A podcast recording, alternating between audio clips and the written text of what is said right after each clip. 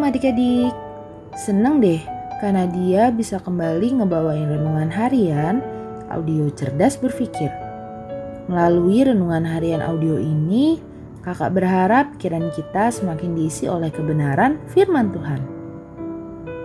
Adik-adik, beberapa hari ini kita dengar terus pembahasan mengenai bahaya konten horor. Hmm, kesannya kayak ngelarang kita untuk konsumsi konten horor ya. Tapi sebenarnya enggak kok. Yang ingin cerdas berpikir sampaikan adalah pertimbangan kehati-hatian terhadap konten horor berdasarkan pedoman firman Tuhan. Selebihnya ya terserah adik-adik mau tetap konsumsi konten horor atau enggak. Cuma ya hati-hati aja ya. Soalnya nih, bukan soal genre atau jenis kontennya. Ini tuh soal pengaruh apa yang akan kita dapat. Kalau kontennya horor, pengaruh yang akan kita dapat ya ketakutan, pengenalan jenis kuasa kegelapan, pengenalan akan setan, dan bukan akan Tuhan. Dan juga sadisme. Itu nggak bisa kita sangka loh.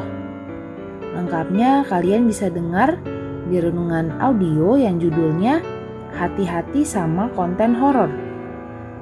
Hmm, memang sih dalam dunia perfilman horor adalah salah satu jenis genrenya.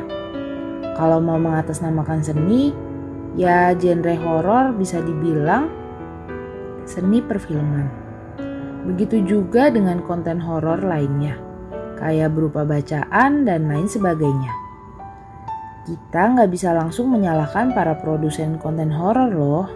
Cuma kita sebagai orang yang ngakunya beriman, kita harus tahu nih apa kebutuhan utama kita, yaitu mengusahakan diri supaya terus bertumbuh di dalam iman dan pengenalan akan Tuhan. Nah, kalau di film horor kan yang diperkenalkan gak jauh-jauh dari seputaran karakter setan dan sifat-sifatnya konsep produk kuasa gelap, sadisme, dan rasa takut akan setan. Hmm, gimana mau kenal Tuhan kalau kayak gitu? Lagian nih ya, pengaruh konten horor bisa membawa kita pada takut akan hantu, tapi nggak takut dan hormat sama Tuhan. Orang bisa tuh takut sendirian di tempat-tempat tertentu dan gak hormat sama Tuhan. Di tempat-tempat tertentu takut, tapi di saat ujian gak hormat sama Tuhan. Dengan contoh mencontek. Pas melewati tempat-tempat tertentu yang kesannya angker, dia berdoa kepada Tuhan karena ketakutan. Ya masih bagus lah ingat sama Tuhan. Eh, tapi pas di pergaulannya dia gak inget sama Tuhan dengan gak jaga perkataan. Tentu masih banyak lagi loh contohnya. Adik-adik, konten horor bisa jadi sarana si jahat untuk mengelabui kita loh. Melalui konten horor, kita dibikin kayak hanya fokus pada hal-hal yang sebenarnya nggak terlalu penting juga. Ada setan di sinilah, ada setan di sanalah. Itu adalah hal-hal yang nggak terlalu penting.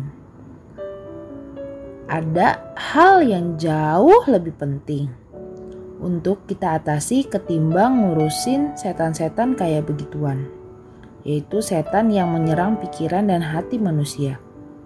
Keserakahan, iri hati, dendam, kebencian, kekhawatiran yang gak semestinya, egois, gak peduli dan gak menghormati Tuhan dan sesama, dan lain sebagainya. Kesemuanya itu adalah pengaruh setan di dalam pikiran manusia itu jauh lebih susah diatasi ketimbang hantu-hantu kayak yang ada di film horor. Makanya, kita jangan mau ditipu sama si jahat yang mencoba membuat kita nggak fokus sama hal-hal jahat di dalam pikiran, pikiran dan hati kita dengan menggunakan konten horor. Yuk, mari kita baca dalam Yohanes 10 ayatnya yang ke-10 yang bunyinya Pencuri datang hanya untuk mencuri dan membunuh dan membinasakan. Aku datang supaya mereka mempunyai hidup dan mempunyai dalam segala kelimpahan. Nah, iblis mau mencuri rasa hormat kita kepada Tuhan dengan menanamkan rasa takut kepada setan. Dia mau membunuh kita, dan pada akhirnya membinasakan kita. Lagi pula, masih banyak kok genre film atau konten yang bermanfaat, yang membuat kita mendapat pelajaran berharga tentang kehidupan. Jadi, bijaklah dalam konten untuk dikonsumsi ya. Yuk, mari kita berdoa. Bapa, kami mengucap syukur atas renungan harian yang boleh kami baca hari ini.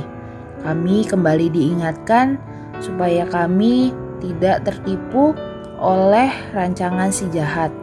Kiranya hidup kami bisa terus hanya fokus kepadamu saja ya Bapa. Biarlah kami Hidup kami kami serahkan ke dalam tanganmu. Segala apa pun kuasa iblis, kuasa si jahat yang ingin mengganggu hidup kami, kami patahkan, kami hancurkan di dalam nama Tuhan Yesus Kristus. Terima kasih ya Tuhan.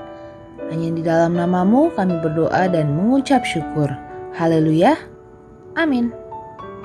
Oke adik-adik, tetap sehat, tetap semangat, tetap jadi berkat. Tuhan Yesus memberkati. Dadah!